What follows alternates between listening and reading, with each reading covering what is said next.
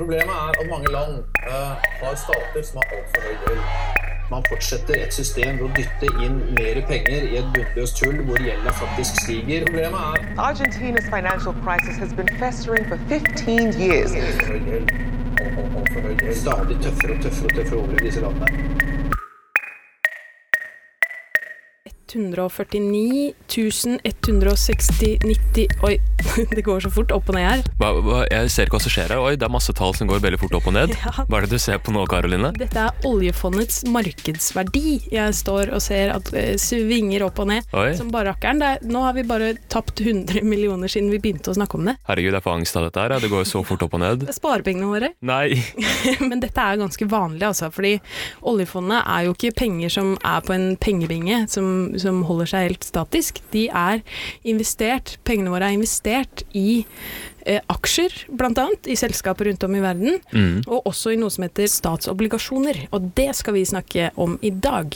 Hjertelig velkommen til Slugs podcast. Mitt navn er Kristoffer, og med meg har jeg Karoline i studio. Og i dag så skal vi gå inn i eh, statsobligasjoner, da, og hva det egentlig er for noe. Og vi har med ja, diverse eksperter som skal fortelle oss om det. Først av alt så måtte jeg eh, nødt til å snakke med en som rett og slett måtte forklare meg hva en statsobligasjon er. La oss høre på det. Er dette kopier, eller? Nei, det er det Ja. det. Jeg er på kontoret til professor i samfunnsøkonomi, Halvor Melum, på Blindern i Oslo. Vi starter med den russiske. Ja.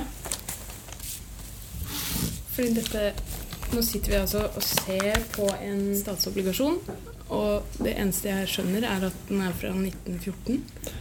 Den er fra 1914, ja, så den eh, er utstedt av eh, tsarens eh, finansminister i Russland. Papiret vi sitter og ser på, er utrolig fint, og det ser veldig gammelt ut. Eh, Det er fullt av sånn snirklete ridderillustrasjoner. Det er en hjelm og et sverd og et eh, ordentlig verdipapir. Og midt på så står det 1914 eh, i blått. Og dette er året den ble solgt, eller utstedt, som det heter. Og det var for å finansiere statens utgifter. Eh, Så det er en eh, statsobligasjon eh, som hadde vel en løpetid, altså, som det heter, på Den skulle gå fram til 25, eh, 1925. Ja. Så litt over ti år. Det som skjer når den løpetiden er over, er at tiden har kommet for at Russland skal betale tilbake beløpet som papiret er verdt. I dette tilfellet 1000 rubler. Men i mellomtiden så skal de betale renter. Og det beløpet står på baksiden. Det er det som heter kupongrenten. Ja. Så da er det små frimerker nesten på baksiden som eh, kan klippes av av den som eier eh, obligasjonen. Og så kan de gå med de kupongene til finansministeren og få et bestemt beløp. Ja, for dette er fakt... Altså, det ser jo helt kupongaktig ut, sånn som det er i studentkalenderne og sånt. Ja, nettopp. Det er den type kuponger. Ja, verdikuponger. Du kan gå på Peppes og få 15 kroner rabatt. Her kan du gå til eh, tsarens eh, finansminister og få her står det 25 rubler hvert halvår. Så da Russland solgte dette papiret, lovte de å betale renter på 50 rubler i året i ti år, og i tillegg betale tilbake summen på 1000 rubler når de ti årene var gått. Så det er rett og slett et lån, men med et fastsatt rentebeløp. Eh, Og i dette tilfellet er 50 rubler i året 5% rente. Men så fortalte Melum at det er kanskje ikke så enkelt likevel. Det er ikke sikkert at kjøperen har lyst til å betale 1000 rubler. Nei. Og da er det en auksjon. Og det er sånn det foregår. At finansministeren kommer med en stabel med sånne obligasjoner. Og så er det opp til eh, de som har penger eh, til overs, de som har lyst til å investere, å bestemme hva prisen blir. Ja. Og de kan da presse prisen ned. De sier at vi har tenkt å selge disse til 1000 rubler. Er det noen som har lyst til å kjøpe dem? Det kan hende at ingen er interessert. Og da må de redusere prisen. Ja, la oss si at du betaler 500 rubler, da. Så er jo renta plutselig 10 For da får du 50 rubler i året. Og du har bare betalt 500 rubler for den rettigheten til å få 50 rubler i året. Så en interessant ting med en obligasjon er at den er et lån hvor tilbakebetalingsplanen er satt, men selve lånebeløpet er det som varierer. Og så har den en tilleggsdimensjon, nemlig at den kan selges videre. Sånn at eh, vedkommende som kjøpte den her i 1914, har antageligvis solgt den videre til noen andre eh, når eh, det nærmet seg 1916 og 1917.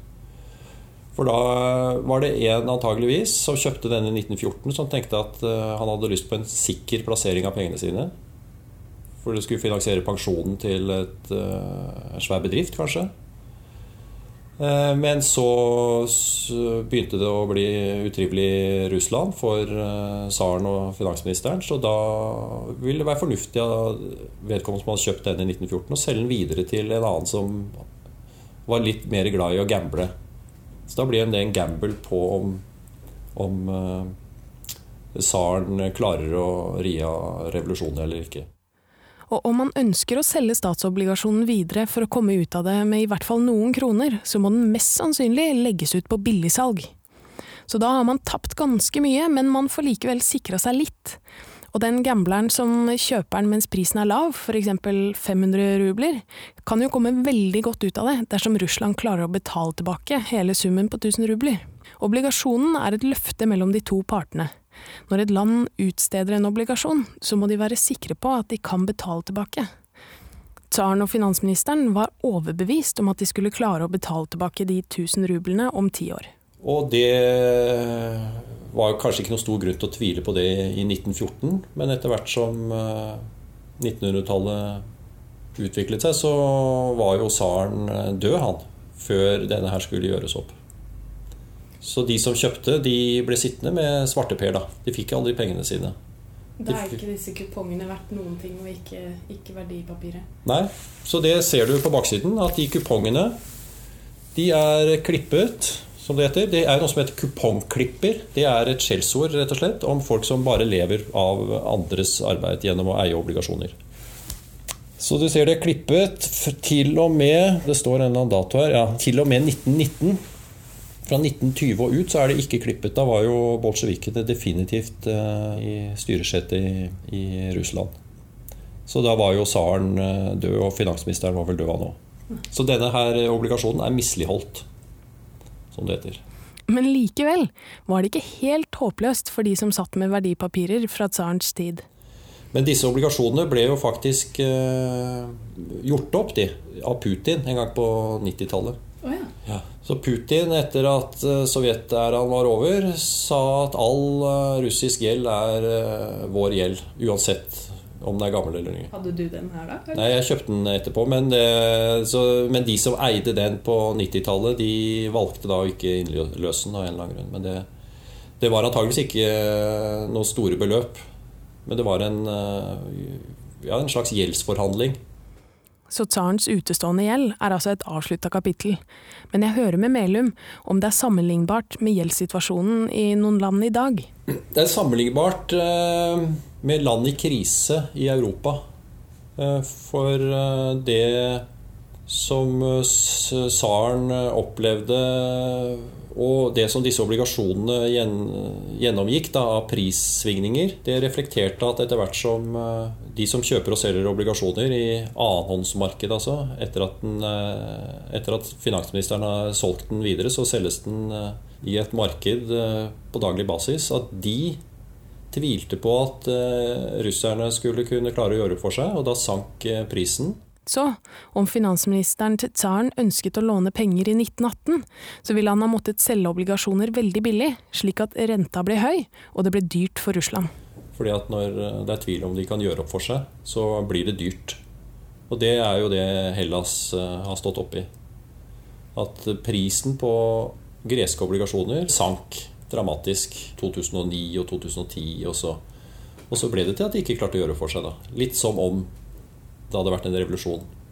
Men det var ikke så dramatisk. Men eh, de sa vi klarer ikke å gjøre det. blir ikke betalt. Og siden en stat ikke kan gå konkurs, så blir gjelda stående der som et åpent sår, og det går hardt utover statsbudsjettene i landet som må betale tilbake av det lille de har, samtidig som de ikke får solgt noen flere obligasjoner fordi de er i gjeldskrise.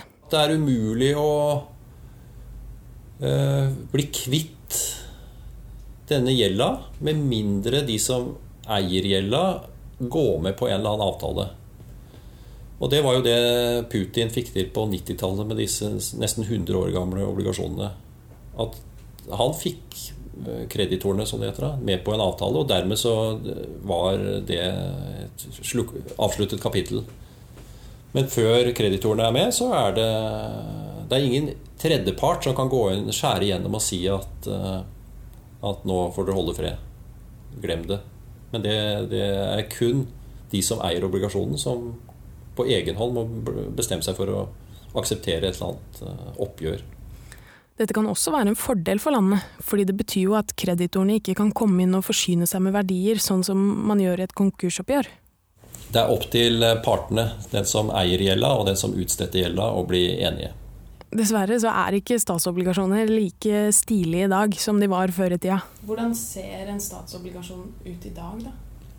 I dag er statsobligasjonen eh, et eh, I hvert fall i Norge og andre avanserte land så er statsobligasjonen eh, registrert i et elektronisk system. Så den fins ikke på papir. Ingen sånne kuponger eller kupongklippere lenger? Nei, ikke noen kupongklippere. Kanskje noen gamle obligasjoner som fortsatt har kuponger, men de er nok også de overført til det elektroniske systemet. Nå handles statsobligasjoner på børser rundt omkring i verden. Og de som har lyst til å investere i obligasjoner, gjør det gjerne gjennom et fond. Vårt oljefond har også investert tungt i statsobligasjoner. Hele 1500 milliarder. Og når en statsobligasjon er kjøpt, så vet man ikke hva låntakerlandet bruker pengene på. Jeg kjenner ikke til at, at landet forplikter seg til noe mer enn å gjøre opp de kupongbeløpene og det sluttbeløp som står på obligasjonen. Eh, så Sånn sett så er det friere penger, ja. En positiv konsekvens av det er at landet som låner, kan bruke pengene på det de selv vet at de trenger mest. Og det vet de jo ofte best selv. Men det kan også være noen negative konsekvenser. Fordi det er ikke noen garantier for at pengene ikke blir brukt til f.eks. å gå til krig mot naboen, eller å undertrykke egen befolkning. Og dersom investorer som ønsker å tjene mye penger på billige statsobligasjoner med høye renter, slik som såkalte gribbefond ønsker, så kan de kjøpe obligasjoner ganske ukritisk. Eh, så det er jo en, ja, en skummel situasjon at uh, folk som da løper rundt, kloden rundt for å finne god avkastning, må, må begynne å investere der hvor det er høy risiko. For det er kun høy risiko som gir høy avkastning. Og den risikoen kan fort være risikoen for at regimet finner på noe katastrofalt i forhold til et naboland eller et eller annet sånt noe. Så det, hvis man eh, går rundt i verden og let, oppsøker eh, steder med høy risiko for å få avkastning, så kan man fort havne i en situasjon hvor man har oppsøkt situasjoner som er eh, moralsk ubehagelige. Og når uansvarlig långivning og låneopptak skjer gjennom salg og kjøp av statsobligasjoner, så er det befolkningen som må ta konsekvensene når tilbakebetalingsdagen kommer, altså når løpetiden er over. Fordi da er det de som gjennom landets statsbudsjett må betale tilbake. Fordi da kuttes det i velferdsgoder som utdanning og helsetilbud for å håndtere denne gjelda. Gjelda som noen land blir sittende med, kan jo fort være svært uh Eh, lite eh, tilfredsstillende å gjøre opp. Fordi at det kan være den gjelda som eh, forrige, den forrige statslederen tok opp for å undertrykke det, det nye regimet. Det er jo verden full av. Sånne situasjoner. Det fins ingen internasjonale regler som sørger for ansvarlig långivning, og land kan havne i gjeldskriser selv om befolkningen ikke har fått nyte godt av pengene. Ja, og noe av gjelda ble brukt for, for, å ta Hellas, det ble brukt på olympiske leker i Aten. Som sikkert var artig, men uh, når grekerne fikk den faktiske regningen, så er det ikke sikkert at de syntes at det der var en, uh, en god bruk av penger. Så det at det ikke fins internasjonale regler, er ett problem. Men ethvert uh, fond, f.eks. oljefondet, må må ta alvorlig det at de er med å finansiere et lands gjeldsopptak. Og de må spørre seg og er det slik at dette landet har et styresett hvor folkets interesser i tilstrekkelig grad blir tatt hensyn til. Hvis ikke så er det åpenbart umoralsk. Så hva kan vi gjøre da, for å sørge for at de som kjøper statsobligasjoner, gjør det på en ansvarlig måte? Altså at man er ansvarlige långivere? Melum han tror ikke det trenger å være så vanskelig. Ja, Man kunne i hvert fall tenke seg en slags sånn eh, sertifisering. At, land, at noen land eh, ikke skal bli nekta å låne penger. Eh, for det er jo vanskelig å få til. Det blir en slags sanksjon, men eh, det går absolutt an å ha en eh, sertifiseringsordning som, som går gjennom landets budsjetter og går gjennom landets politikk og, og gir dem karakterer på om pengebruken og den til dels med lånte penger kommer folket til gode, og kommer de som skal betale dette tilbake i fremtiden, til gode. Eller om det bare er å låne på andres vegne uten at de man låner på vegne av, får noe glede av det. Er det utopisk, eller? Nei, det er ikke utopisk. Det må være helt uh, kurant. Det er jo Bedrifter får jo karakterer på alle mulige slags uh, dimensjoner, så det skulle være helt kurant å gi tilsvarende karakterer til eh, land. Det kan jo hende at det virker litt imperialistisk. Og sånn at det kan bli litt konflikter knytta til at vestlige verdier blir tredd nedover eh, andre land osv. At det er noen sånne problemer eh, litt mer av politisk art. Men at det, det er ikke noe i prinsipp veien for å kunne gjøre det samme med land som man gjør med bedrifter. Tror du det er innen rekkevidde? Ja, det tror jeg. Men om det skjer Det må jo være noen som ønsker det, da. Så det spørs om moralen har, gjør seg gjeldende som en tungtveiende grunn der hvor, blant de som bestemmer. Men eh, at det teknisk er noe i veien for det, det er jeg overbevist om at det ikke er. Det var altså Karoline som snakket med Halvor Melum, og nå ble i hvert fall jeg litt klokere på hva en statsobligasjon egentlig er. Med oss i studio har vi Thea Sofie Rusten Grastveit, politisk rådgiver i Slugg, nettverk for rettferdig gjeldspolitikk. Velkommen til oss, Thea. Takk skal du ha. Har det blitt en eskalering av utstedelse av statsobligasjoner i de siste la oss si, ti årene? Ja, det har i hvert fall blitt en veldig stadig mer populær finansieringsform blant mange eh, fremvoksende markeder, eh, utviklingsland, hvor eh, utstedelsen av statsobligasjoner blir en større og større prosentandel av låneopptaket. da. Eh, tradisjonelle lån, som f.eks. IMF, eh, går ned, statsobligasjoner går opp. Så mange eh, land som tidligere, altså f.eks. Afrikanske land sør for Sahara som hadde gjeldskrise på 90-tallet, fikk hjelp av internasjonale pengefondet til å komme seg ut av gjeldskrisa gjennom eh, dette HIPIC-initiativet. Eh, Heavily Indebted Poor Countries, hvor de fikk slettet masse gjeld, fikk god hjelp til å komme seg ut av gjeldskrisa. Um, og det var et veldig effektivt tiltak. Mange problemer ble løst. Og så ser vi at mange av disse post-HIPIC-landene nå, ganske få år etter at HIPIC er avrunda, allerede har kommet seg opp på faretruende høye gjeldsnivåer igjen, kjapt. Og det skyldes eh, i, også i stor grad statsobligasjoner.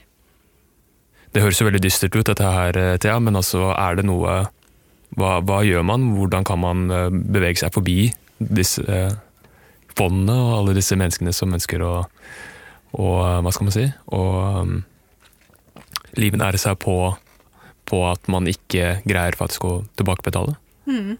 Altså, det på en måte man eh, ser et veldig skrikende behov for, er jo nettopp det man kaller for en internasjonal gjeldshåndteringsmekanisme.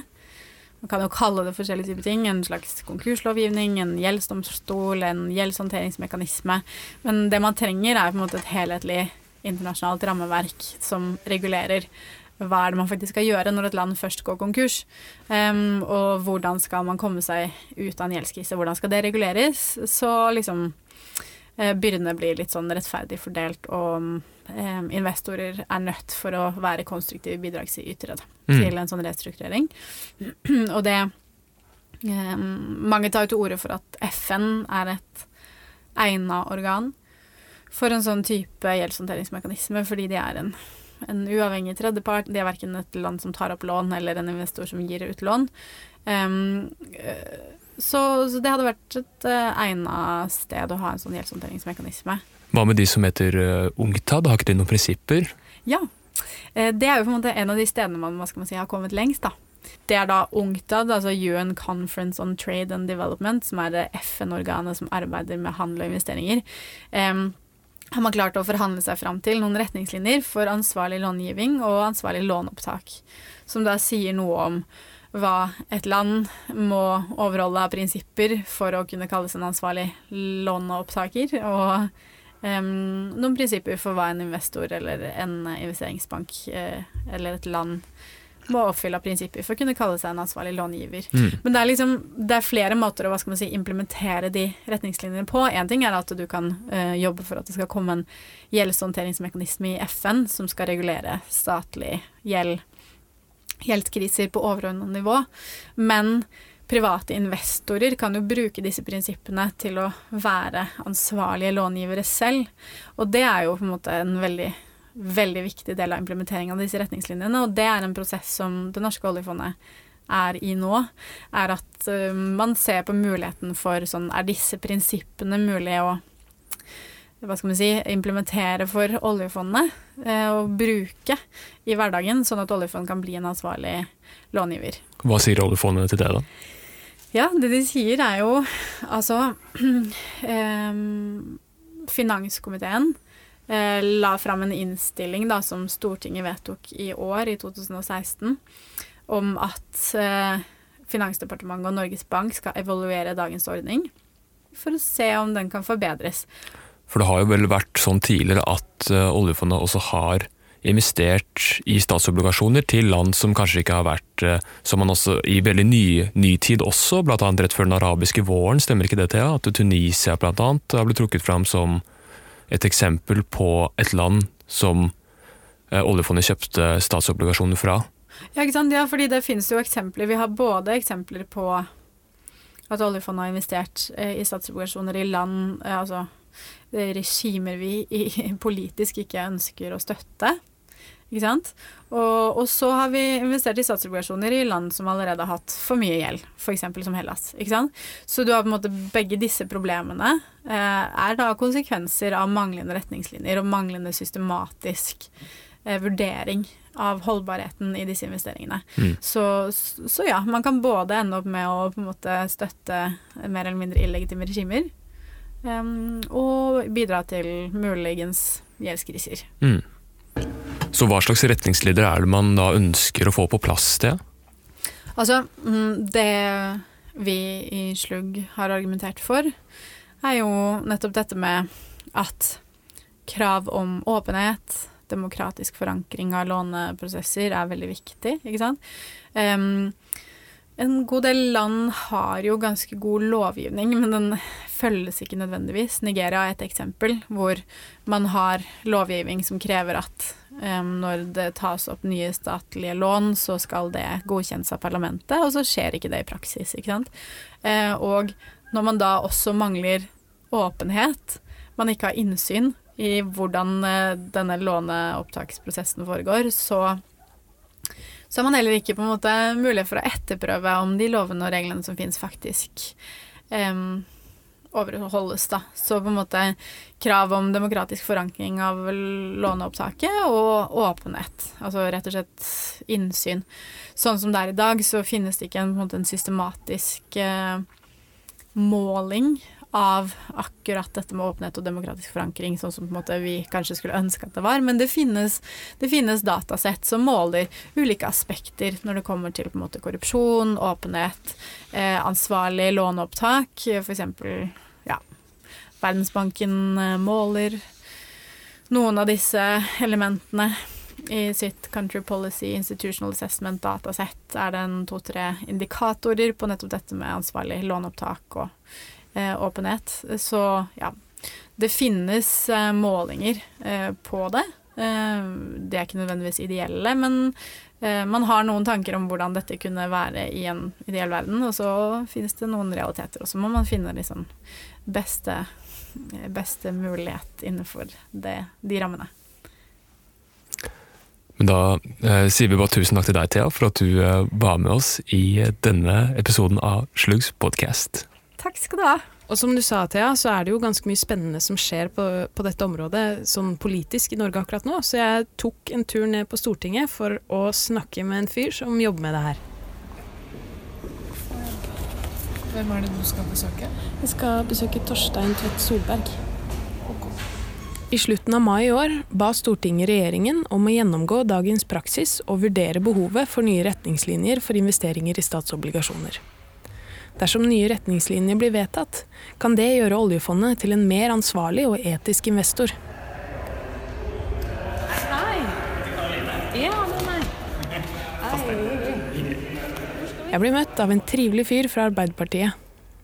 Torstein Tvedt Solberg. Jeg sitter i finanskomiteen for Arbeiderpartiet og er talsperson for oljefondssaker. Hvert år kommer oljefondsmeldingen fra Finansdepartementet, og Stortinget har diskusjoner om hvordan oljefondet best kan forvaltes. Det er en ganske unik prosess som sikrer demokratisk forankring. Organisasjoner og andre som jobber med forskjellige temaer, kan komme med innspill. I år hadde de oppe en sak om investeringer i statsobligasjoner. Ja, og eh, Det har jo vært et tema som har versert lenge. og eh, Noe av det som kjennetegner egentlig diskusjonen om oljefondet, er jo at sivilsamfunnet er veldig aktive eh, og kommer med veldig mye gode forslag. Slugg er et godt eksempel på, på, det. En organisasjon som er tydelige på, på forventningene til oss som er politikere.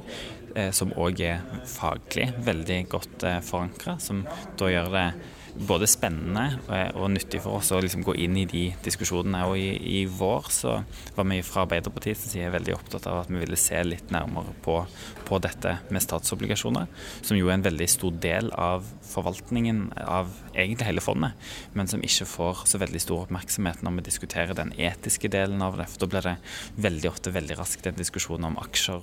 Jeg spurte Torstein om statsobligasjoner er en del av oljefondet som vi kanskje ikke har helt kontroll på. I utgangspunktet så er, så er, det jo et ganske sånn greit regulert eh, marked. Selvfølgelig er jo obligasjonsmarkedet òg regulert og har sine krav til både åpenhet og hvordan disse handlene skal, skal foregå. Så det er ikke, det er ikke et eh, sånn eh, Ville Vesten-marked, det, det, kan en ikke si. Men vi har jo hatt større ambisjoner for forvaltningen av pensjonsfondet i det breie. Vi er jo veldig opptatt av den åpenheten, eh, og at det skal være innsyn i hele forvaltningen. Og mm, det er det vi har lyst til å ha en større diskusjon om i Stortinget nå. Men hva kan vi gjøre for å bli en mer ansvarlig långiver, da? Mm, jeg tror vi eh, tidligere har kanskje vel litt for lett avblåst diskusjonen om statsobligasjoner veldig sånn enkelt med at jo, med en gang vi går inn i den diskusjonen, så blir, det, så blir det utenrikspolitikk. Jeg tror det som skjedde med finanskrisen, egentlig har åpna øynene litt her på Stortinget for at det er et større behov òg for eh, åpenhet i lands eh, budsjettprosesser. Og i hvert fall det som for, for, min del gjorde at jeg ble solgt av, av diskusjonen og argumentene med, med slugg, var jo nettopp diskusjonen om eh, behovet og retten til innsyn enn f.eks. som befolkning bør ha i, i staters budsjetter. Eh, og det at vi fra Norges side ikke nødvendigvis bruker dette som et utenrikspolitisk verktøy, det er vi på en måte veldig mot og restriktive på, men eh, at vi samtidig kan, kan få til regelverk der Norge er med på å bidra til at det er åpenhet både for oss som på en måte da långiver, men òg befolkningen, på at en har et større innsyn og åpenhet rundt budsjettprosessene. At vi som Norge vet, uten at vi styrer det, litt mer om hva de pengene vi låner til forskjellige land egentlig går til. Torstein forteller at det vil nok ta litt tid før vi har fått retningslinjer for statsobligasjoner, men Stortinget har i hvert fall bestemt seg for at de ønsker å se på det. Eh, det har jo vært eh, sånne eh, evalueringer tidligere på om en skal gjøre noe på statsobligasjoner, men det var før finanskrisen.